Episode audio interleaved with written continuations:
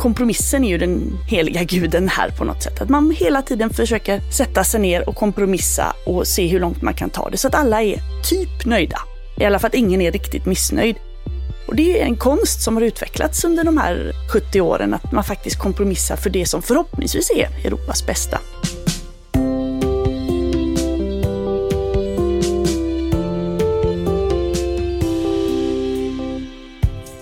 Mars 1946 höll Winston Churchill ett tal vid universitetet i Fulton, Missouri. Där kommenterade han hur världen hade förändrats efter andra världskriget.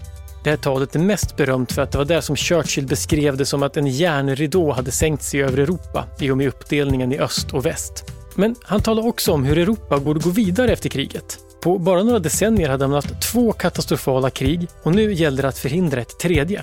Churchills förslag det var att man skulle skapa ett Europas förenta stater. Genom att få Tyskland och Frankrike att samarbeta ekonomiskt så skulle man dels kunna bygga upp de sönderslagna ekonomierna, men framförallt så skulle samarbetet knyta ihop länderna på ett sätt som omöjliggjorde ett nytt storkrig. Idag så kanske vi tänker mer på handel och jordbruk och byråkrati än fred när vi tänker på EU. Och när EU fick Nobels fredspris 2012 så var det många som var överraskade.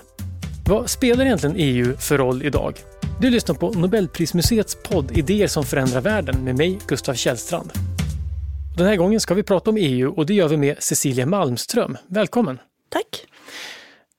Ja, tänker du på fred eller handel när du tänker på EU? Ja, både och faktiskt. Mm. Just nu i dagarna med kriget i Ukraina så tänker man väl ganska mycket på fred eftersom det är så viktigt för Ukraina dels att vinna kriget men att också bekräfta sin plats i den Europeiska unionen när, när väl freden har kommit. Just det, för de, är ju, men de har väl ansökt om att bli medlemmar? De har ansökt om att bli medlemmar och de har blivit förklarade som ett kandidatland. Det är ju bara första steget. Mm. De har inte börjat förhandla ännu. Det är ganska mycket villkor man måste uppfylla innan det. Men de har ändå gett en väldigt tydlig signal om att Ukrainas plats är i den Europeiska unionen. Och det är otroligt viktigt både för president Zelensky och det verkar som, det är svårt att göra opinionsundersökningar dessa dagar, men det verkar som att det finns ett väldigt starkt stöd för detta i, bland befolkningen också.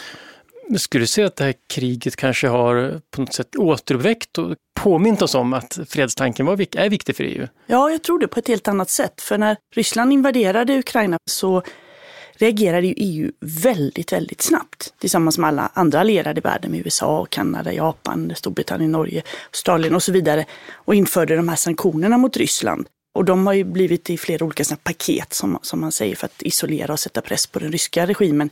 Men också väldigt mycket stöd politiskt, ekonomiskt, militärt och liksom psykologiskt stöd till Ukraina också för att vinna det här kriget. Så att det har man väl blivit påmind om att freden inte är given på något sätt, utan vi har faktiskt ett krig som rasar i Europa, inte särskilt långt ifrån där vi befinner oss nu. Cecilia Malmström var Sveriges EU-kommissionär mellan 2010 och 2019 och innan dess var hon EU-minister och ledamot av Europaparlamentet. Som kommissionär ansvarar hon först för inrikesfrågor som migration och brottsbekämpning men från 2014 så var hon kommissionär för handelsfrågor. Hon har doktorerat i statsvetenskap och är idag bland annat verksam som forskare vid den Washington-baserade think-tanken Peterson Institute for International Economics.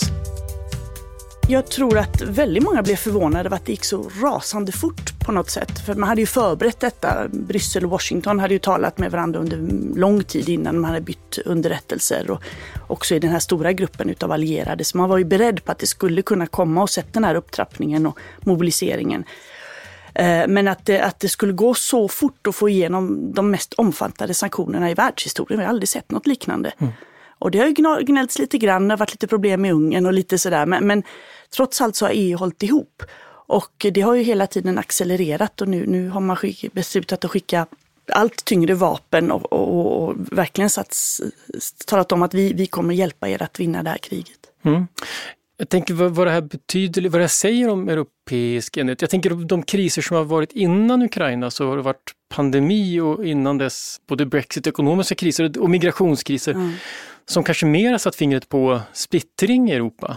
Ja. Eh, Ja, pandemin, de första veckorna av pandemin var ju fullkomligt kaos. Mm. Dels för att det var en ny okänd sjukdom som, som inledningsvis slog i några länder väldigt, väldigt hårt. Österrike, Italien, Spanien innan det började spridas och vi inte riktigt visste vad är det här för slags sjukdom. Och många länder agerade ju lite grann i panik. Man ställde, stängde gränser, man beslutade om exportförbud, man informerade inte varandra. Det var som om man hade glömt att det fanns liksom en europeisk union. Så det var ju inledningsvis eh, väldigt bekymmersamt. Men sen gick det ändå ganska fort innan liksom, framförallt kommissionen tog ledarskapet på något sätt. Att så här kan vi inte ha det, ni måste informera vad som gäller, det här är vad vi ska göra tillsammans. Vi tillsammans försöker stötta varandra, vi samordnar den mest akuta hjälpen och sen så småningom återbyggnaden och vaccinupphandling och så vidare. Där gick kommissionen ganska långt. Egentligen är det väl frågan om man verkligen rent lagligt hade de befogenheterna om man tittar på fördraget. För vårdfrågor och, och hälsofrågor är egentligen inte EU-kompetens. Men det behövdes ju någon som, som tog ansvaret där och medlemsländerna stöttade ju det och gav ju kommissionen uppdrag att upphandla vaccin, vilket gjorde att man kunde få väldigt mycket vaccin mycket billigare och mycket enklare än om varje land hade upphandlat för sig. Mm. Det där kan ju vara om, lätt att glömma bort kanske om man tittar på EU att man blir förvånad att det går så bra när det blir en kris. EU är väl ändå startat för att just undvika och hantera kriser. Om man tänker långt tillbaks. Det var väl ett ganska krisigt läge när EU grundades. Ja, absolut. Det var ju sönderslaget Europa som skulle byggas upp igen och där, där liksom grannländer hade gått igenom fruktansvärda krig och dödat varandras eh, civila och soldater på, på slagfältet. Och det var ju inte första kriget i Europa, men Frankrike och Tyskland har varit krig många, många gånger. Så det är klart att det kostade ju på väldigt mycket att försöka, inte bara bygga upp institutionerna och samarbetet, utan också att läka såren mm. i franska och tyska familjer som hade sett sina pojkar slås ihjäl av, av, av fienden så att säga. Det, det är ju någonting som tar lång tid. Det kommer ju ta lång tid också i, mellan Ukraina och Ryssland. Just det, men för då i Europa, när man, det här med Frankrike och Tyskland, det var ju ändå inte så att man bara försökte just läka sår, utan man gjorde det genom att ekonomiskt samarbete. Precis, ja, man hittade liksom ett, ett rationellt sätt att göra det. Att om vi ska bygga upp det här i Europa så behöver vi samarbeta. Då samarbetar vi i produktionen av stål och kol. Mm. För det är det som behövs för för på den tiden behövdes för industrialiseringen och återuppbyggnaden. Och så bygger man upp gemensamma institutioner för att man skulle dels samordna uppbyggnaden och för att man skulle ha koll på att inte det här användes till att skapa vapen så att säga. Så det blev ju väldigt instrumentellt, men det är klart att tanken var ju att vi ska aldrig mera döda varandra i skyttegravarna, utan vi ska sitta runt ett bord och samtala med varandra. För från början så var det, var det sju, nej, åt, sju, åtta länder, sju, sex, sex länder, ja du ser, det var ännu färre. Men, men och det växte växte, ja. växte det för att, det kanske är en blandning, men var det för att folk ville komma med i den här ekonomiska unionen eller var det för att man också kände det ideologiskt viktiga i det? Jag tror att det har varierat väldigt mycket. De sex som gick samman, Beneluxländerna, Italien, Tyskland och Frankrike, var ju de som, som hade lidit mest på, på slagfältet och som låg geografiskt väldigt mm. nära varandra. Och där fanns det ju den här pragmatiska ekonomiska synen, men hos de fäderna, för det var ju män på den tiden, så fanns det ju en tanke om att detta skulle bygga fred och bygga gemenskap. Sen när eh, Storbritannien, Danmark och Irland kom med så var det nog mer ekonomiskt, liksom att det här verkar vara en marknad som växer, här är det viktigt att vi är med. Men till exempel när Grekland och Portugal och Spanien kom med på mitten på 80-talet så tror jag att det var väldigt ideologiskt. Det var ju länder som hade levt under fascistdiktatur i decennier och som kastat av sig det och de kände att vi vill naturligtvis komma med i det här ekonomiska samarbetet för det blir bra för oss när vi ska övergå till en mer dynamisk ekonomi. Men vi vill också känna att vi vi har valt sida, vi är demokratier, vi vill samarbeta med andra demokratier och det, det som har hänt får inte komma tillbaka. Den Europeiska gemenskapen, som senare blev EU, grundades 1957 i ett läge när Europa fortfarande var i kris efter andra världskriget. Länge var hela kontinenten beroende av omfattande stöd från USA, den så kallade Marshallhjälpen som skapades av fredspristagaren George Marshall. Och stödet gick till så grundläggande saker som livsmedelsförsörjning. Så för att se till att man hade en egen matproduktion så var en av gemenskapens viktigaste uppgifter att säkra ett europeiskt jordbruk och en stor del av budgeten gick åt till det här. Faktum är att ett av skälen till att Storbritannien redan från det att de gick med var så skeptiska mot EU var att deras ekonomi byggde mer på industri än jordbruk och därför tyckte att de betalade mer än de fick tillbaks. Och fortfarande idag så är stöd till jordbruk en väldigt stor del av EUs budget. Och det här stödet får ofta kritik för att det leder till överproduktion och ineffektivitet. Men rötterna till systemet finns alltså i en situation där Europa behövde subventionera bönderna för att inte drabbas av svält. Men det är klart att länderna har ju olika bevekelsegrunder naturligtvis. När Sverige, Finland och Österrike gick med så var det väl också mer utav ja, man ser att här kan man lösa gemensamma problem och här finns det en ekonomisk marknad att, att gå med i. Och det är klart, om det är ursprunget att gå med så ser man ju EU framförallt som ett ekonomiskt samarbete, ett frihandelsområde som underlättar handel och rörlighet. Och sen att man löser ett antal problem gemensamt. Men kanske ursprungsländerna som har varit med i krig och som vet vad alternativet är. Eh, det har vi tack och lov sluppit i Sverige. Så, så finns ju liksom den här tanken av att, att EU är liksom ändå ja, det, det, det, var räddningen på något sätt. Det var det som gjorde att man kunde ta steget vidare och bygga upp freden och, och ett normalt samarbete med sina grannländer och att försäkra sig om att det inte skulle bli krig igen. Mm. Finns det, liksom, finns det kanske mer gemenskap än man tror som har byggts upp av det här? För att, ja, men just genom att vi ändå har samarbetat, Sverige har varit med i EU i snart 30 år, och att det ändå har skapats en mer gemenskap. Man tror man pratar kanske mer om det misslyckade i att det inte skapat någon kulturell gemenskap så mycket mellan de europeiska länderna. Men har det gjort det ändå fast man inte pratar så mycket om det? Ja, men både och. Det finns ju, det är svårt att sätta fingrarna på det här europeiska på något sätt och det kanske inte är så man definierar sig i första hand, men det är klart att jag tror att ganska många också i Sverige känner att det är liksom naturligt att samarbeta i det här forumet där, där som har möjliggjort för oss att resa, att jobba, plugga, att, mm. att eh, fara runt utan problem. Att man naturligtvis de stora utmaningarna nu för tiden, det är ju, ja, naturligtvis är det ju kriget i Ukraina, men miljöfrågorna, migrationsfrågorna, hur vi tillsammans ska ta oss vidare efter covid och förhindra att det inte händer igen eller att vi är bättre förberedda. Det måste man ju samarbeta och då är det här det naturliga forumet. Så att, naturligtvis ska man ha debatt om vad som är bra och dåligt och så är det förslag som är konstiga och så blir det förslag som blir fel. Men det här liksom att ifrågasättandet och att varför vi överhuvudtaget är med, mm. som man kände de första åren. Jag har varit ute i hundratals skolor i Sverige. Det märker inte jag när jag träffar gymnasieelever idag, att någon säger liksom, varför är vi med överhuvudtaget? Utan det kan vara kritik och, och det är så det ska vara på något sätt. Men att Sverige ändå har en ganska given plats där. Om man tittar på opinionsundersökningar, EU har ju ett eget statistikorgan som gör undersökningar sedan många, många år tillbaka. Och där har man sett att de senaste åren så, så är faktiskt Sverige i topp fem av de som tycker att Europasamarbetet är viktigt för mitt land. Okay. Kan det vara så att man tar det som är bra med EU för givet lite grann? Det här med, alltså man, inte minst om man då är något så ung, så man har liksom öppna gränser känns helt självklart. Det känns jättekonstigt att behöva visa pass när man åker utomlands. Alltså. Ja men absolut. Så. Men, men det som, medan det som kanske är mindre eller som är krångligt, ja. det lyfts fram tar man inte för det lyfts fram mer? Ja, men så det är väl ganska naturligt. När jag skulle plugga, jag hade gått ut gymnasiet och ville plugga i Frankrike, då var ju Sverige inte med i EU. Det var ju ett himla tjafs att få visum för att plugga i Paris och att jag fick inte ta svenska studielån. Och när jag väl kom tillbaka så var, kunde jag inte tillgodoräkna med dem, den meriten och, mm. och så vidare. Så är det ju inte alls idag, utan det är helt naturligt att väldigt många ungdomar gör en termin eller två i något annat mm. EU-land en kritik man har mycket mot EU, det är kritiken mot liksom byråkratin och krånglet. Och jag tänker inte minst när det gäller jordbruk och handel, att det finns mycket restriktioner och mycket regler. Ja. Nej, men, om det ska vara frihandel, varför inte fritt? Ja, men om det är total frihandel, då är det ju bara de stora starka som vinner. Mm. Eh, och då bryr man sig inte om några regler. Jag har ju förhandlat frihandelsavtal och frihandelsavtal med så näraliggande land som Kanada till exempel. Det är ju en bunt papper på 1500 sidor. Mm. Och varför finns det regler? Ja, men det beror ju på att handeln ska ju naturligtvis underlättas.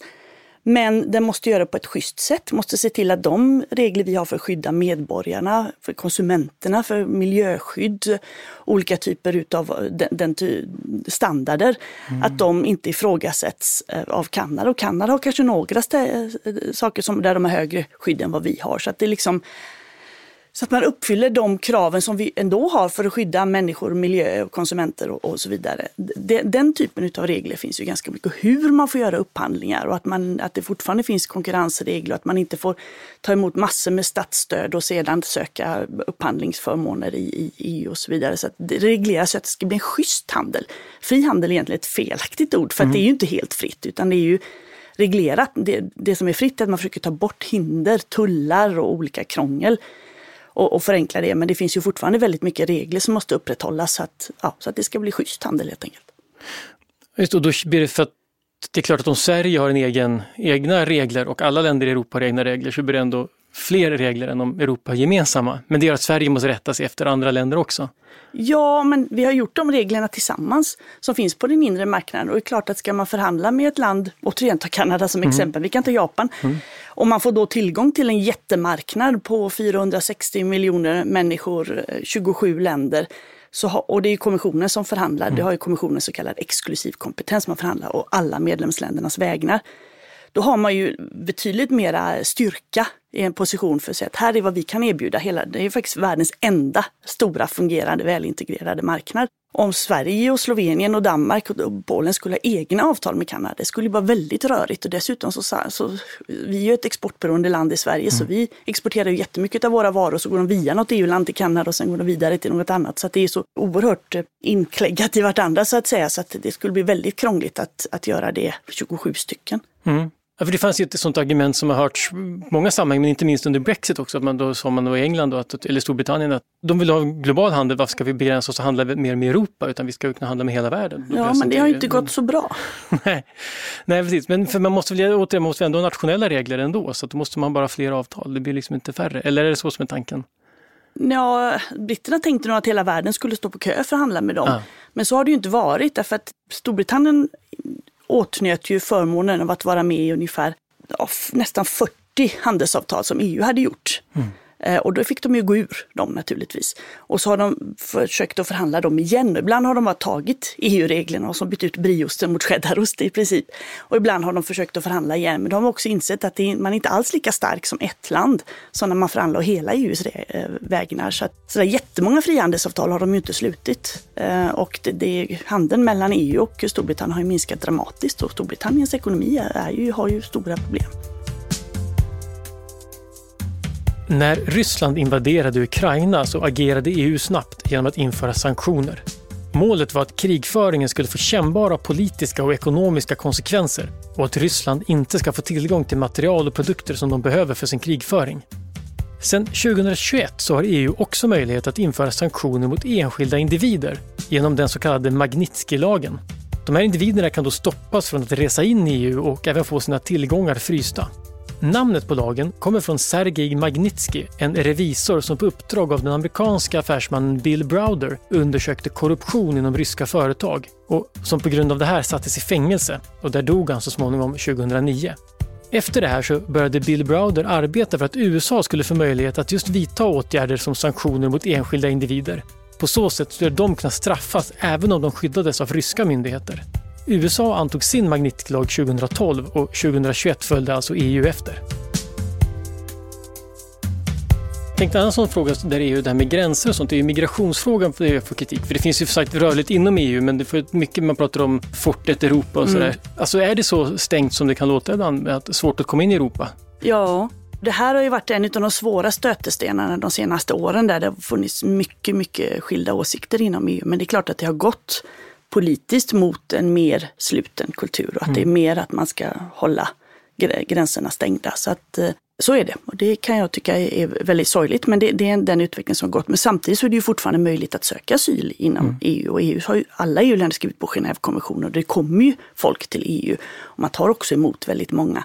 Men fokus har ju snarare varit på att hålla folk borta än att mm. få folk att komma hit de senaste åren, helt klart. Kan man se början på någon förändring med det i och med Ukraina-kriget också? När en del länder som kanske tidigare inte haft gräns mot flyktingströmmar som får flyktingar som kanske förut har varit mer kritiska som nu tycker det är viktigt att andra länder inom EU också tar emot, alltså fyller sina kvoter? Det ser inte ut att finnas en sån tendens än så länge. Om vi bortser från just ukrainarna. Mm. Ukrainarna har ju kommit ja, flytt väldigt många människor och sen har en hel del åkt tillbaka och sen kommer de tillbaka igen. Så det är svårt att veta exakt, men ungefär 5-6 miljoner människor har kommit till Europa, sen har en del återvänt. Och det är klart att gränsstaterna där, Polen, mm. Ungern, mm. Litauen, även Rumänien, Bulgarien har ju tagit emot jättemånga mm. människor. Det här är ju länder som tidigare varit mycket skeptiska till att ta emot flyktingar, men Ukraina är någonting annat på något sätt. Men det verkar inte ha påverkat deras syn på att ta emot andra människor som kommer från Syrien, Afghanistan och så vidare.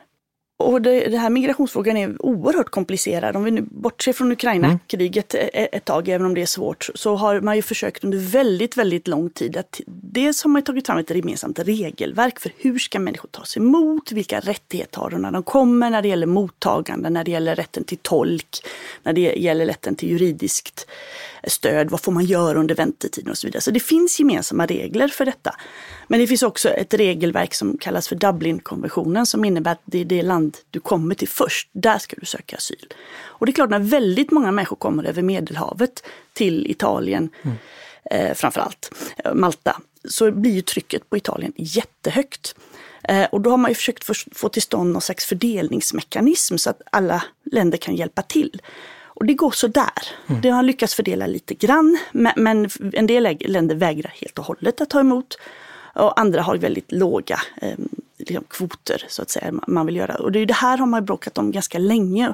Jag var ju ansvarig för de här frågorna mm. för tio år sedan och då kom vi en liten bit på väg, men det var precis innan Syrienkriget när det kom otroligt många människor. Och sen har vi ju nu en svensk kommissionär, eh, Ylva Johansson, hon försöker verkligen och gör ett fantastiskt jobb i att försöka se om man kan få medlemsländerna att komma överens om något. Men det är ju svårt och det här handlar ju om människor på flykt mm. som kommer kanske från fruktansvärda förhållanden och har gått igenom oerhörda strapatser för att ta sig hit. Så man kan liksom inte bara sätta dem på en buss och skicka in dem i ett land och säga här, ta hand om dem. Det är ju ingen vara liksom, utan det, det är människor.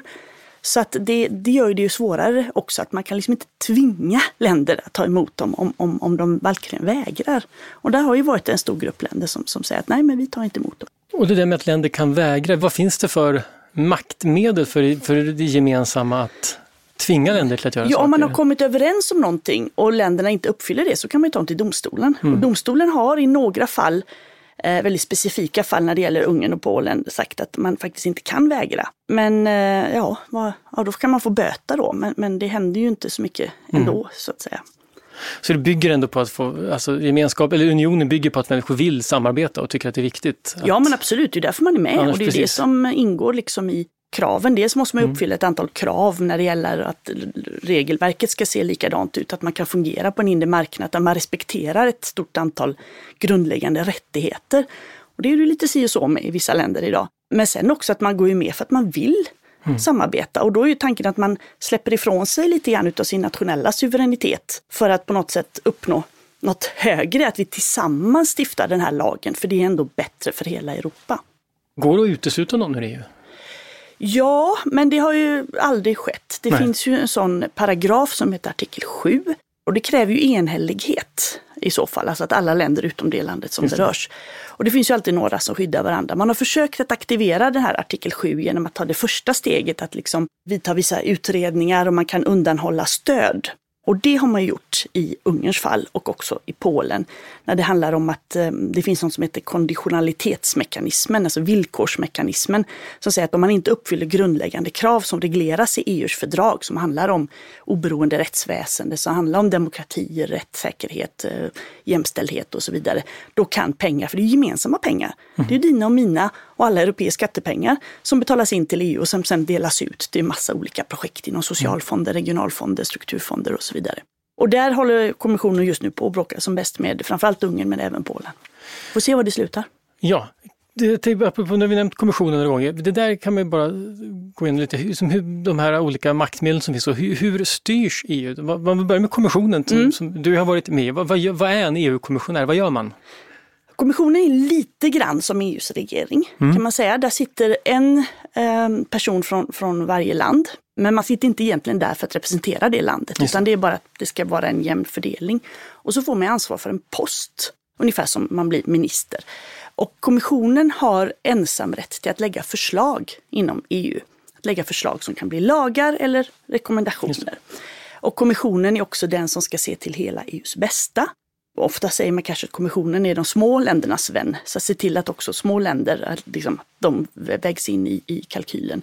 Och kommissionen är också den som har rätt att ta ett medlemsland till, till domstolen om man inte uppfyller sina åtaganden.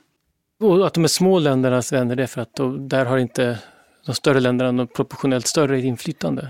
Nej, och Eller, ja. kommission, innan man lägger fram någonting som ska bli en lag sen så gör man ju en, en, en utredning, en, en, konsekvensanalys. Och där måste man ju se till alla länders eh, överväganden så att säga och all, alla situationer så att det inte bara blir något som Tyskland och Frankrike eh, gillar. För Tyskland och Frankrike har ju ganska mycket makt genom sin storlek och genom mm. sin historia i rådet som är ett annat utav de här organen. I rådet så sitter ministrar från alla medlemsländer, så det är det rent mellanstatliga organet kan mm. man säga. Att om man till exempel diskuterar en jordbruksfråga så åker alla jordbruksministrarna till Bryssel och så har man möte kring den här frågan. Eller om man diskuterar miljöfrågor så är det miljö och klimatministrarna. Och några gånger per år, har blivit allt oftare senaste tiden, så möts det Europeiska rådet. Det är då statsministrarna och statscheferna möts för att fatta de här långsiktiga besluten och diskutera de, de stora frågorna. Så, så, kan man säga att rådet är, som, är det mellanstatligt och kommissionen Ja. är överstatlig? Ja, eller det kan man väl säga. kanske? Lite förenklat, men så kan man säga. Och sen har vi ju Europaparlamentet. Och där väljer man ju ledamöter och det är antalet ledamöter per land beror på hur stor befolkning man har. Så att, eh, men inget land har färre än sex ledamöter. Även de små länderna där Malta och, och Luxemburg till exempel är kraftigt över, överrepresenterade kan man säga.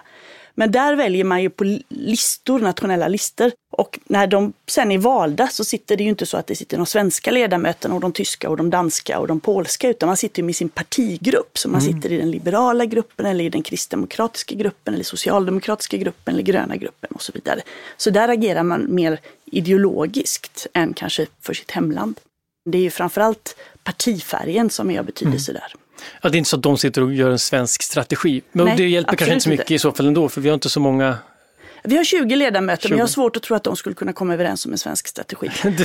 Precis. Och de är ju med och stiftar lagar. Så Mm. att man kan ju säga att när kommissionen lägger en lag, ett lagförslag Mm. så, så ska både rådet och parlamentet behandla de frågorna. Så på det sättet är det nästan som ett slags tvåkammarsystem. Alltså, tänk på USA, då, är det ena, då skulle rådet vara senaten och det andra Ja, det går inte riktigt att jämföra, men ett slags tvåkammarsystem kan man säga i just den lagstiftningsprocessen. Ja. Och då måste en lag måste passera båda, antar jag. Då, på något sätt. Precis. Ja. Och då har ju parlamentet ju organiserats som vilken riksdag som Ja. helst. Det finns ju olika utskott som, som eh, jobbar med, med frågan och så röstar man i kammaren. Och kommissionen den tillsätts av parlamentet? eller? Kommissionen godkänns av Godkänns. parlamentet. Eh, medlemsländerna lämnar förslag.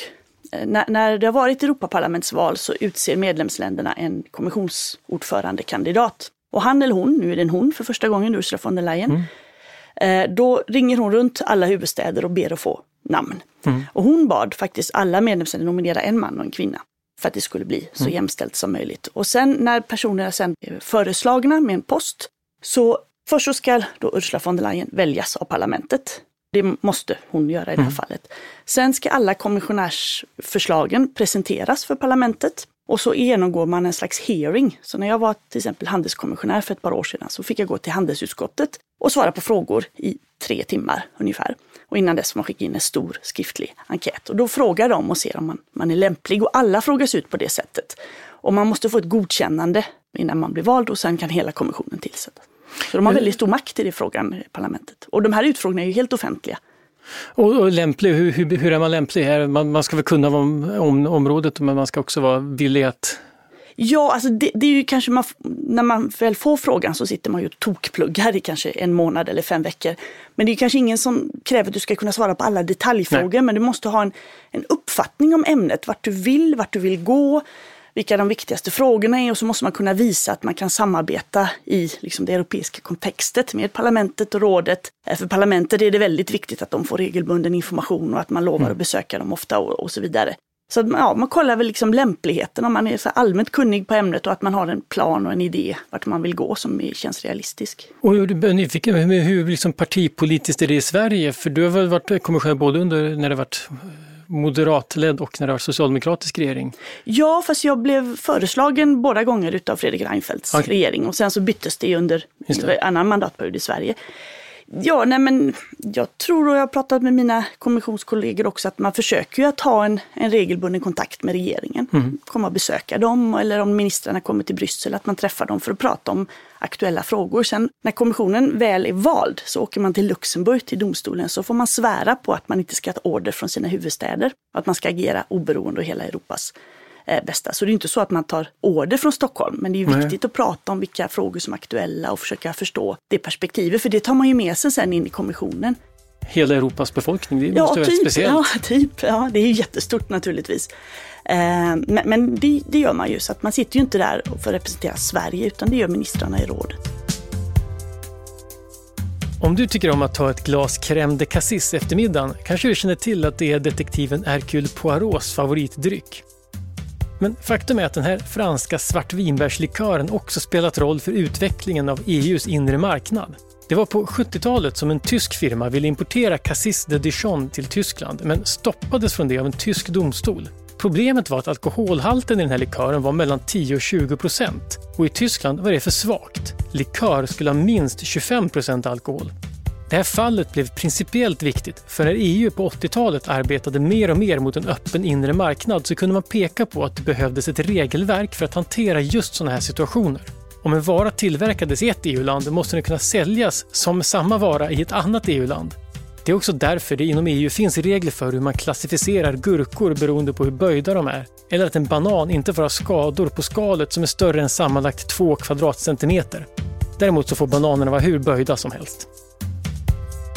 Nu äntligen kommer jag till frågan, för Sverige pratar om det här bland annat för att Sverige nu är under våren är ordförande Precis, i EU. Ja. Vad är man ordförande för när man är ordförande i EU? Det verkar finnas mycket att välja på. Man är ordförande i rådet, det vill säga att alla gånger som ministrarna möts inom EU så är det en svensk som minister som mm. leder det samarbetet. Utom när det gäller det Europeiska rådet som möts, därför de har en egen ordförande som sitter på två och ett halvt gånger två år. Där sitter då belgaren Charles Michel. Så han är ordförande i Europeiska rådet. Så han leder de sammanträdena. Eh, och Europeiska rådet är för, stats, för... Det är för alla statsministrar. statsministrar. De som möts, just, de här toppmötena när man ser när det står massor med mm. svarta kavajer och så är det några kjolar. Och när utrikesministrarna möts så leds det utav kommissionens ansvarig för utrikespolitik som också kallas för hög representant för utrikespolitik, Josep Borrell, han är mm. från Spanien. Men i alla andra tillfällen så är det svenska ministrar som leder mm. ministermöten. Och vad som är nästan ännu viktigare och som inte får så mycket uppmärksamhet, att det är ju kanske tusen olika mindre möten med arbetsgrupper. För mm. alla de här lagförslagen, både när de förbereds och de ska diskuteras och sen hur de ska implementeras och, och så här, det förbereds ju av grupper där alla länder har sina experter som de skickar. Det kan vara från regeringskansliet eller det kan vara någon annan som har utsett och de möts ju eh, otroligt regelbundet hela tiden. Och mm. där är då Sverige ordförande också. Så den svenska representanten leder de mötena. Och äger allt det här rum då i Sverige, i Stockholm, eller en del av det i alla fall? Flesta mötena äger rum i Bryssel. Mm. Och sen gör medlemsländerna lite olika. Ibland så bjuder man in något rådsmöte till sitt land. Sverige har förlagt de flesta mötena i Sverige i en hangar vid Arlanda. Det kanske inte är så jätteroligt att visa upp det för eh, européerna. Eh, ja, de ju några har fått vara i Kiruna tidigare. Ja, kommissionen fick eh, invigningen var uppe i Kiruna. Men, men om man då är ordförande, för det, det, varför har man ett sådant system för det första? För det ju, låter ju som att det vore enklare att centralisera det. Absolut, men det är ju hela tiden den här motsättningen mellan att effektivitet och demokrati. Mm. Och då behöver det vara lite krångligt för att alla ska kunna hänga med och för att det ska liksom ta sin lilla tid så att alla kan förankras och så vidare. Fram till ganska nyligen så var det också så att statsministern i ordförandelandet ledde Europeiska rådet och utrikesministern mm. ledde Europeiska rådet. Men det här har då av effektivitetsskäl tagits bort därför att man behövde en som samordnar detta mellan mötena, som nu är då Charles Michel, den här belgiske före detta premiärministern, och utrikesministern på samma sak, mm. Josep Borrell. Och tanken är väl att liksom alla länder, det här roterar ju då var, var sjätte månad, att alla länder ska känna lite ägarskap och att alla känner att man, man får ta extra ansvar och att alla länder blir tvungna att lära sig väldigt mycket om systemet. Mm. Det är ett ganska bra sätt att liksom få med alla, att skapa ett ägandeskap utav EU helt enkelt. Man får lära sig mycket vart 13-14 år i alla fall. Sen får man... Ja, däremellan får man ju plugga på ganska bra. Jag tror att den erfarenheten, Sverige har ju nu en ganska ny regering mm. och de ministrarna hade ju knappt varit på några möten innan det var dags att ta över. Så det blir en crash course för dem. Det. Men det är samtidigt väldigt bra för då lär man sig tidigt under en mandatperiod.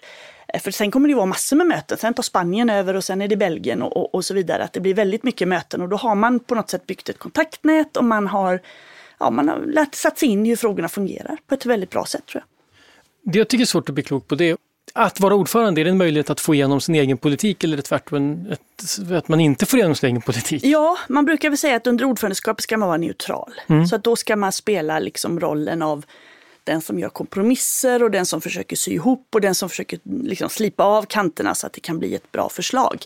Det är inte tillfället när du börjar med öppna möten och säger ja, Sverige har en jättebra idé, det här ska vi göra. Utan det finns det då 12 och ett halvt andra år att göra.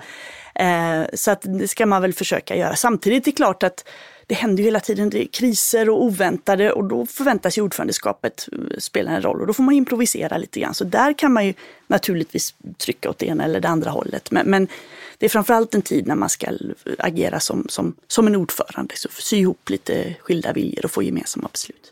Det finns något väldigt spännande med det, apropå återigen, den, fastnar lite tanke på gemenskap och hur man ser på varandra inom unionen, men då i och med att vi är ordförande nu och då vill man förstås agera ansvarsfullt. För att man vet ju också att det ja. kommer vara någon annan sen. Mm. Så att om vi inte är neutrala nu så kommer det kanske inte Spanien vara det heller, eller Polen eller Tyskland. Nej, precis. Då urlakar det ju förtroendet för det där na naturligtvis. Eh, sen är det klart att man kan ta initiativ på det sättet att man kan, då får man ju planera lite grann att man lägger en konferens om ett ämne man väldigt gärna vill lyfta. Och sen så kanske nästa ordförandeskap så kan man ta det vidare för att eh, lagstiftning tar ju tid i Europa så att man, man ärver väldigt mycket en agenda.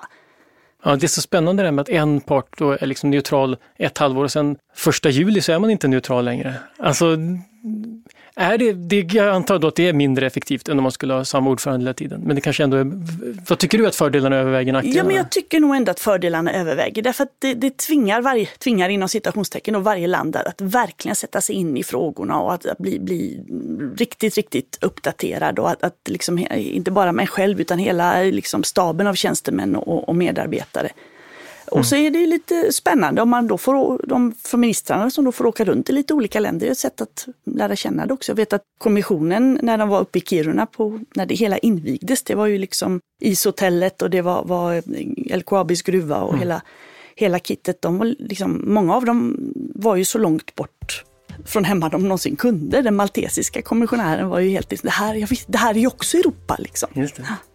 Ja precis, det är långt till, till längre än man tror till Kiruna. Jo, det är långt till Valletta också. Ja precis. Ja. Nobels fredspris går oftast till personer eller organisationer som är mitt uppe i en konflikt. Så när EU fick priset 2012 var det många som blev förvånade. Det var svårt att peka på något som EU gjort just det året som varit viktigt för freden. Men priset var istället tillbakablickande. Motiveringen var att EU och dess föregångare i 60 år bidragit till en fredlig utveckling i Europa. Fredspriskommittén lyfte särskilt fram unionens betydelse för demokratins utveckling. Både när det gällde de tidigare diktaturerna Spanien, Portugal och Grekland, men också när länderna i Östeuropa blev medlemmar efter murens fall. Men priset var inte bara tillbakablickande. Tvärtom pekade kommittén också på att EU fortfarande har en viktig roll att spela för en stabil utveckling. Och på så sätt så blev kritiken mot EUs pris en del av kommitténs poäng. Bara den som inte förstår vad EU gör kan säga att organisationen har spelat ut sin roll. Men styrkan är väl att, att det ändå drivs utav en, en vilja att, att komma överens och kompromissa. Länderna som är med är med där för att de ser att det blir bättre beslut om vi samarbetar. Då vinner vi alla på det. Jag får inte alltid som jag vill, men det blir i alla fall bättre än om jag gör det på mitt sätt och alla andra gör någonting annat. Och därför är ju liksom kompromissen är ju den heliga guden här på något sätt. Att man hela tiden försöker sätta sig ner och kompromissa och, och se hur långt man kan ta det så att alla är typ nöjda. Eh, I alla fall att ingen är riktigt missnöjd. Och det är en, en, en konst som har utvecklats under de här eh, 70 åren, att, att man faktiskt kompromissar för det som förhoppningsvis är Europas bästa. Men mm. det är ju krångligt och det kan vara väldigt svårt att förstå. Eh, det kan vara svårt att förklara, det är svårt att sätta sig in i som vanlig medborgare. Eh, och där, där, är det ju naturligtvis ett problem att även om många europeer ändå känner att jo, men det europeiska samarbetet är bra, det funkar. Och många såg liksom vilket strul det blev när britterna gick ut, att det där kanske mm. man inte ändå ska, ska genomleva. Så är det fortfarande väldigt många som tycker att det är långt borta, det är svårt att förstå, hur berör det mig? Alltså det finns det här liksom ja, demokratibristen på något sätt eller, eller ja, bristen på, på närhet. Mm. För att det är ändå ganska långt borta som besluten tas. Ja, men det, jag tycker det är ganska lätt att intellektuellt förstå varför det här är bra, att ja. det är både lönsamt och man kan också förstå intellektuellt att det finns en del brister och så, men det är svårt att känna kanske att ens hjärta slår för EU. Men jag tror ganska få människor skuttar upp ur sängen på morgonen visslandes Europahymnen. Liksom. Det Precis. Men gör man det, de som jobbar i Bryssel? Nej, det gör vi inte heller. inte, ens ni, inte ens kommissionärerna? Nej. Men genomsyras liksom Bryssel av ett, ett, mer kanske än andra ställen då, att, att man tänker lite mer eh, på Europa än att, eller är det mer att alla sitter och här ska vi vara och slå vakt om vårt eget? Men de som är i Bryssel regelbundet, alltså kommissionen, alla ambassaderna, alla representationer, alla organisationer, i princip alla svenska intresseorganisationer mm. har precis som alla andra länder kontor där. Mm. Fackföreningar, miljörörelser, konsumentorganisationer, arbetsgivarorganisationer och så vidare. De genomsyras nog ganska mycket av det här är ändå ett gemensamt projekt. Men det är ju liksom en liten bubbla i Bryssel på något sätt. Där tror jag väl att de allra flesta ändå försöker jobba för att naturligtvis att driva sin linje, men att, att försöka få till stånd så bra kompromisser som möjligt. Men jag förstår att du, du är entusiastisk, något sånär i alla fall, inför Europatanken eftersom du är ja. kommissionär och EU-minister och så. Men kan du, du tycka att det då finns något sorgligt med att människor inte riktigt förstår nyttan och eh, känner mer för EU? Ja men det är klart och det, det är något, ett ansvar som vi alla har. Dels, nu har jag ju lämnat sedan eh, några år tillbaka, men, men både när jag satt i parlamentet och när jag var EU-minister och i kommissionen så försökte jag ju, precis som alla mina andra kollegor, att resa så mycket det någonsin går. Jag har försökt verkligen prioritera skolklasser och mm. ungdomar och universitet för att dels berätta lite vad som händer men framförallt höra på vilka frågeställningar det finns, svara på, på, på det som uppkommer. Så att vi försöker, men det här måste ju göras hela tiden. Europaparlamentarikerna gör samma sak och säkert många ministrar. Men det behövs ju liksom hela tiden det här samtalet. Det är jätteviktigt att skolorna kan mm. undervisa om hur det fungerar på, på rätt sätt och att man, man pratar om det. Medan, ta ett fullmäktige sammanträde i vilken kommun som helst. Väldigt många av frågorna på agendan har ju en koppling till EU-politiken. Det. det kan vara miljöregler, det kan vara byggnadsregler, det kan vara upphandlingsregler och så vidare som går att ta tillbaka till EU. Det är ju ganska tekniska, tråkiga saker, men, men de, de finns ju där hela tiden. Ja men det är väl så med tekniska tråkiga saker, att de är bra när de fungerar. Det är ja. tråkigare när de inte fungerar. Ja, och det är, trots allt det är de som är det här kittet som håller den samman, de här tekniska tråkiga reglerna. Men finns det ändå, det är kanske sista frågan då, men finns det någon sån här eh, brist ändå? Vad tycker du om den? Det som jag ändå hört, jag tycker det är en ganska bra förklaring, inte minst dykt upp mycket samma med Brexit, det med att nationella politiker, som när de pratar om det som är bra som har hänt, mm. då är det vi har gjort det här fantastiska, ja. den här lagen. Men även om det då är på EU-nivå, men när den EU-nivån som man inte är riktigt nöjd med, då är det Bryssel som har bestämt. Ja men så är det, precis. Det... Bryssel gör, gör, fel. Och om jag fått igenom någonting så beror det på att jag var en så otroligt skicklig förhandlare. Från det är ingen som står och försvarar Bryssels beslut i Sverige? Ja, nej, det har det väl. Och det var ju med förra valrörelsen var det väl förkortningen EU förekom väl knappast under hela sommaren. Liksom. Eh, och, och, så är det kanske i, i många länder. Och det, det, det, är förstås tråkigt. Det handlar inte bara liksom om försvar, utan det handlar om att försöka få in EU i vardagslivet på ett naturligt sätt. Inte bara när det är val till Europaparlamentet eller det hänt någonting speciellt, utan att, att det är en del av kommunikationen. Och där tror jag alla politiker har en läxa att göra, inte bara i Sverige. Sen är det klart det är mera påtagligt kanske i de sex grundarländerna. Mm. Där, där liksom man ser fortfarande de här stora gravfälten där, där, som blev, finns kvar med de anonyma tusentals korsen som står där. Man vet fortfarande varför. Eller i alla fall den äldre generationen. Många unga generationer känner ju ingen koppling till det heller. Ja, och kanske ändå komma en förändring nu med, med Ukraina, att fredstanken återuppväcks. Ja, vi hoppas det. Får jag bara fråga en allra sista sak och det, du var ju faktiskt kommissionär när EU fick fredspriset. Hur, ja, ja, hur kändes det? Ja, jo men det kändes ju stort naturligtvis. Och, och jag tror att de flesta av oss ändå såg att det var ett, ett erkännande för det väldigt långa arbete att knyta Europas länder samman under svåra tider. Att det inte var mm. just 2012 som, som var det året, utan ett erkännande. Och det är väl det som de flesta av oss drivs emot. Sen var min chef då, som var kommissionens ordförande, José Manuel Barroso, som fick åka till Norge och hämta priset. Han var ju otroligt stolt och skickade runt den här medaljen och det, det allting förstås. Och det var vi väl allihopa. Du fick se medaljen? Jag fick se medaljen. Ja, Rätt visst. Tack så jättemycket för att du berättade om EU. Tack.